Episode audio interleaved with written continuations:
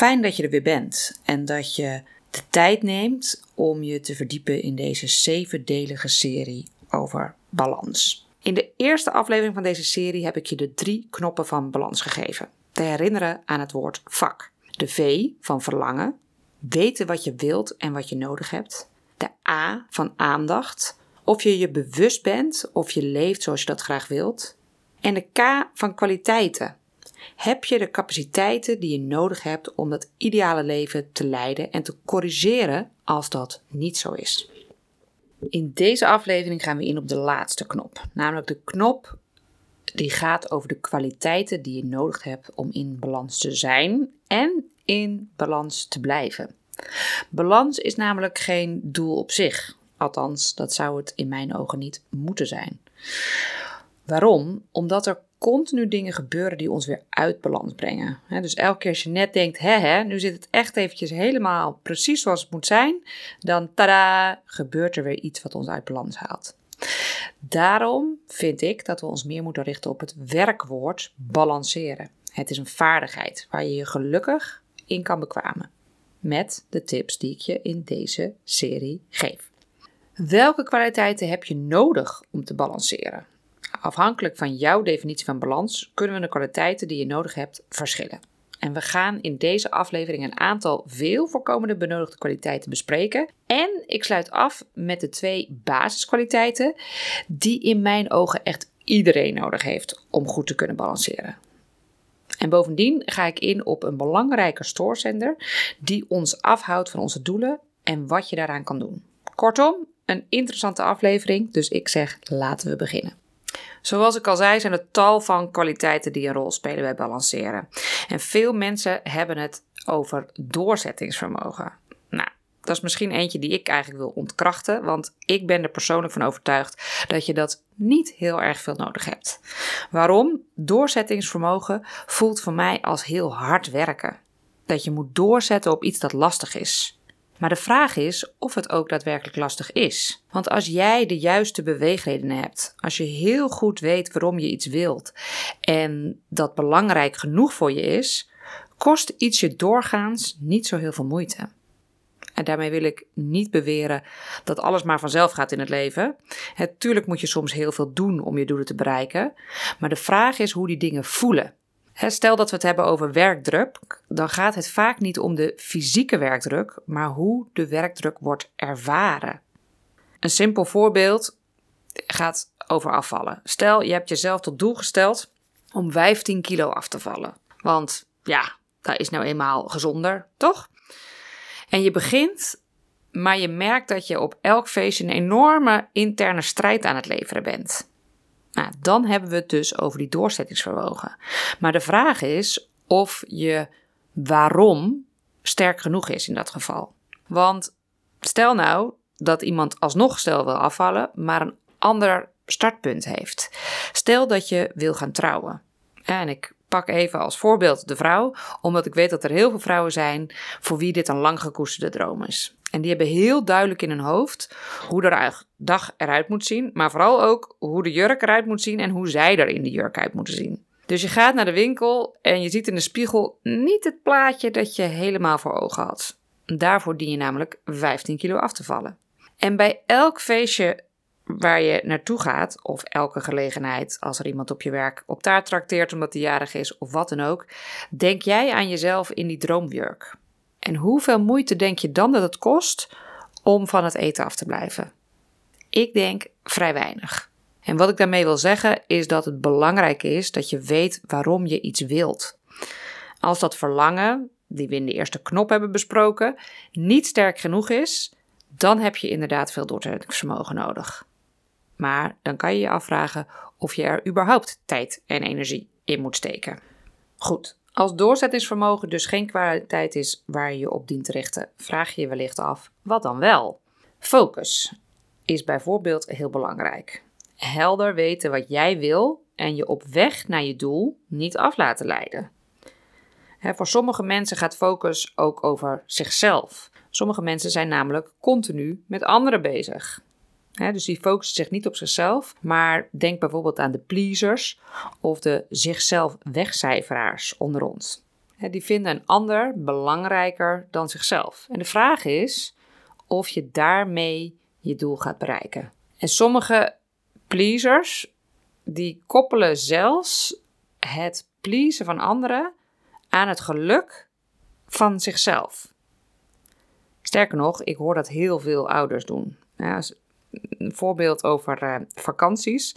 Laatst hoorde ik iemand zeggen die een weekje in de winter met zijn kinderen naar een vakantiepark was geweest. En eigenlijk hoorde ik in alles dat hij het eigenlijk niet zo fantastisch had gevonden. Maar daar kwam de vaak uitgesproken opmerking: Ach ja, als de kinderen maar gelukkig zijn, dan zijn wij het ook.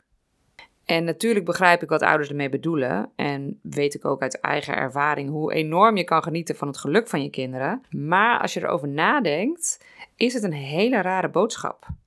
En zeker richting je kinderen, want daarmee zeg je eigenlijk indirect: Mijn geluk is afhankelijk van jou.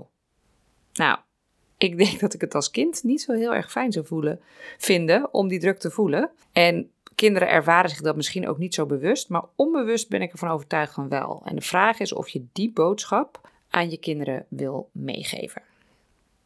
Maar goed, wat dan hè? Niet alles kan toch altijd? Nou, ik ben ervan overtuigd van wel. Alleen kan je het niet altijd om dingen op dezelfde manier te blijven doen. Dus kan je niet krijgen wat je wilt als je het op dezelfde manier doet zoals je het altijd hebt gedaan. Neem als voorbeeld mensen die een kind krijgen. Je krijgt er plotseling een gigantische verantwoordelijkheid bij. Maar ja, je wil ook nog blijven sporten, je wil je vrienden zien, je wil een leuke partner zijn, je wil je inzetten voor je werk en al wat nog niet meer.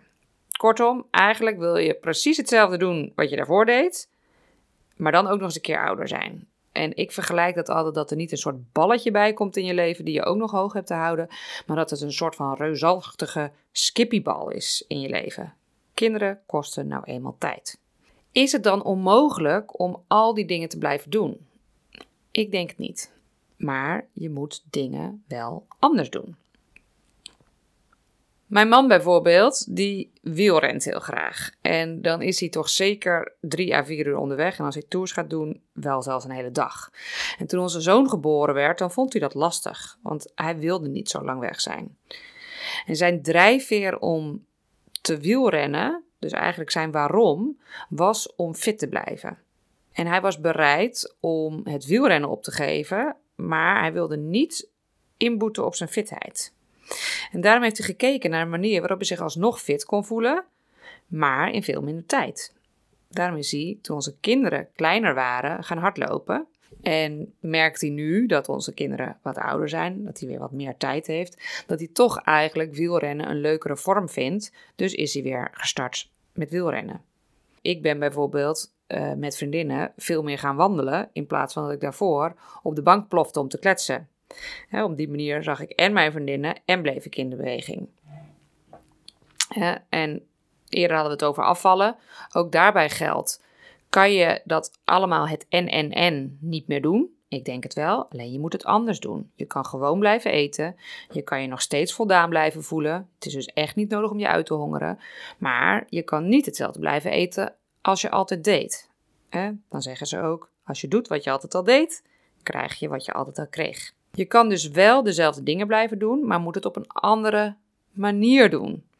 Nou, en waarom ik daar veel tijd aan besteed om dit uit te leggen, is om een kwaliteit die heel belangrijk is. Dat is namelijk creativiteit.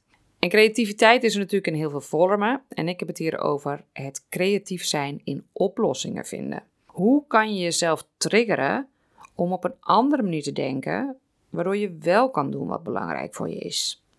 En als je weet wat je wilt en je verlangen daarvoor groot genoeg is, dan ben ik ervan overtuigd dat je een weg vindt.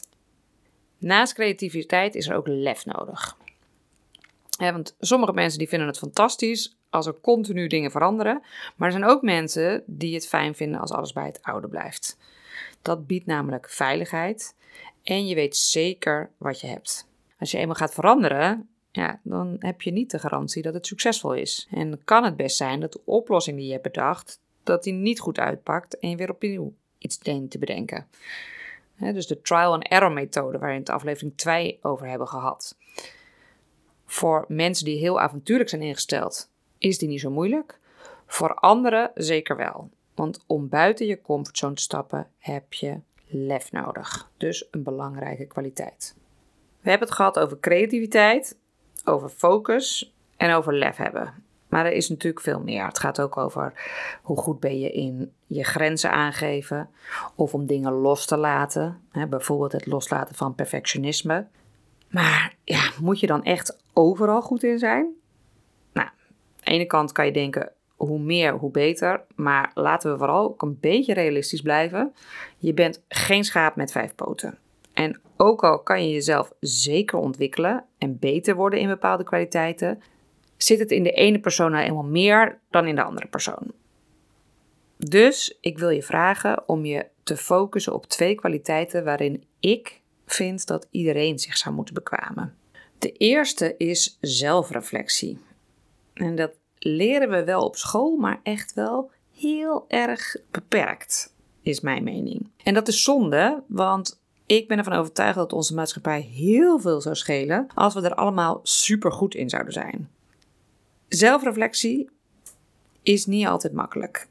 Zeker voor perfectionisten niet, want je wordt je namelijk bewust van de kanten van jezelf die wellicht misschien wat minder perfect zijn. Gedrag dat niet voor je werkt. Wat je misschien ook liever niet van jezelf zou ontdekken. Maar zelfreflectie is een cruciale stap voor persoonlijke ontwikkeling en dus in jouw doel om meer balans te ervaren. En het is de belangrijkste kwaliteit om te voorkomen dat jij op je sterfbed denkt: had ik maar. En waarom is dat nou zo belangrijk? Nou, wellicht heb je wel eens gehoord van de vier fasen van leren. De eerste fase is namelijk dat je onbewust onbekwaam bent. Het loopt, sommige dingen lopen niet lekker, maar je weet eigenlijk niet zo goed hoe dat komt. Om daaruit te komen, om te zorgen dat je bekwaam kan worden, moet je eerst bewust onbekwaam zijn. En die eerste stap, die cruciale stap tot verandering, tot groei, daar heb je zelfreflectie nodig. Want als je namelijk niet bewust bent van waar je onbekwaam in bent, kan je je er ook niet in ontwikkelen. Dus daar ga je je in ontwikkelen, ga je jezelf op reflecteren en word je bewust van de punt waarop je onbekwaam bent. Moet je wel waarschuwen, is niet per se het allerleukste, maar wel cruciaal bij groei. En vervolgens ga je aan de slag, ga je oefenen, vallen en opstaan, tot je uiteindelijk bewust bekwaam wordt. En als je daar maar lang genoeg mee doorgaat, dan word je onbewust bekwaam. Dat is een heerlijke fase. Maar voor zelfreflectie is het van belang dat je erkent dat we allemaal belemmerende overtuigingen hebben. En sommige zijn bewust, maar nog veel meer overtuigingen zijn onbewust. En die zijn venijnig als jij jouw doel wil bereiken. Waarom? Jij bent enthousiast. Hè? Stel, je weet precies wat je wilt en je wil volle gas vooruit gaan. Maar wat doen dan die belemmerende overtuigingen? Die trappen onder water continu door rem en zorgen ervoor dat jij maar langzaam of misschien zelfs helemaal niet vooruitkomt. Is echt super frustrerend, want je hebt onwijs veel goed werk verzet. Je motivatie is 100% en toch lukt het niet. Ja, en om dan toch nog iets meer frustrerends te vertellen, we hebben allemaal ontelbaar onbewuste overtuigingen. En die worden veelal gevormd in onze jeugd, maar je krijgt ook overtuigingen mee van generatie op generatie. En we hebben ook collectieve overtuigingen, die worden gevormd door een cultuur of bijvoorbeeld door inwoners van een land.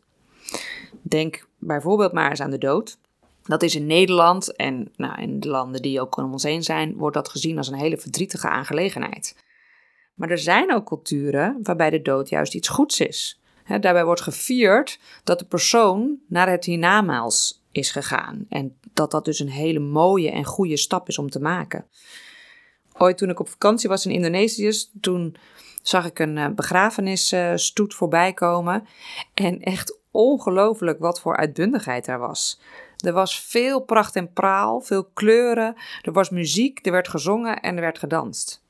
Kortom, het is een hele andere overtuiging over in dit geval de dood. Maar er zijn natuurlijk nog veel meer overtuigingen die bewust of onbewust aanwezig zijn en die je belemmeren. Bijvoorbeeld, alleen door hard te werken zal ik succes bereiken.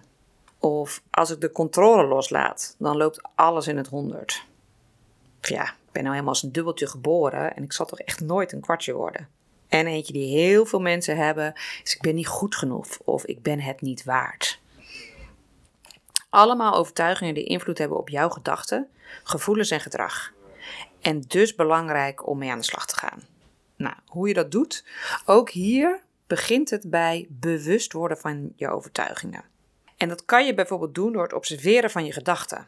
En dan met name natuurlijk de negatieve gedachten. Want als je positieve overtuigingen hebt, dan zou ik zeggen: niet mee aan de slag gaan, lekker laten zitten waar ze zitten. De negatieve overtuigingen of de gedachten die je daarover hebt, is ja, schrijf eens op wat voor gedachten jij hebt op een dag die negatief zijn. Stel dat jouw mening niet wordt gevraagd tijdens een vergadering. Denk je dan meteen, ja, zie je wel, ik doe er niet toe.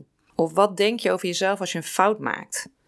Schrijf zoveel mogelijk op en onderzoek of je een rode draad ziet. Bekijk ook hoe je je voelt.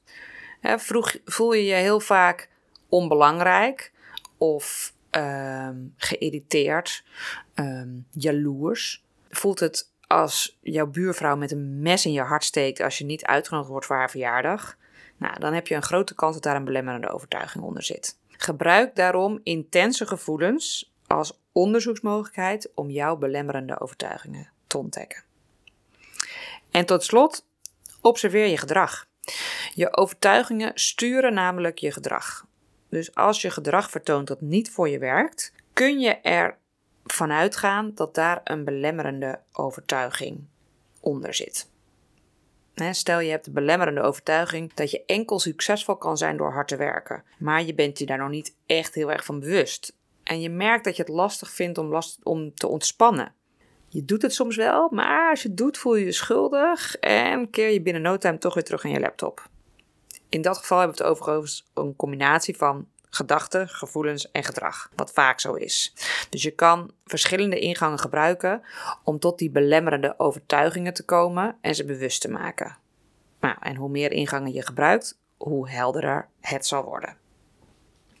Vind je het lastig om dat allemaal alleen te doen? Het werkt supergoed om uh, met een coach aan de slag te gaan. En een coach te vragen je te helpen bewust te worden van die overtuigingen. En waarom is dat nou zo krachtig? Nou, een coach die kan veel objectiever naar je kijken. En die gaat dus ook voorbij gaan aan de vlekken waar je zelf blind voor bent.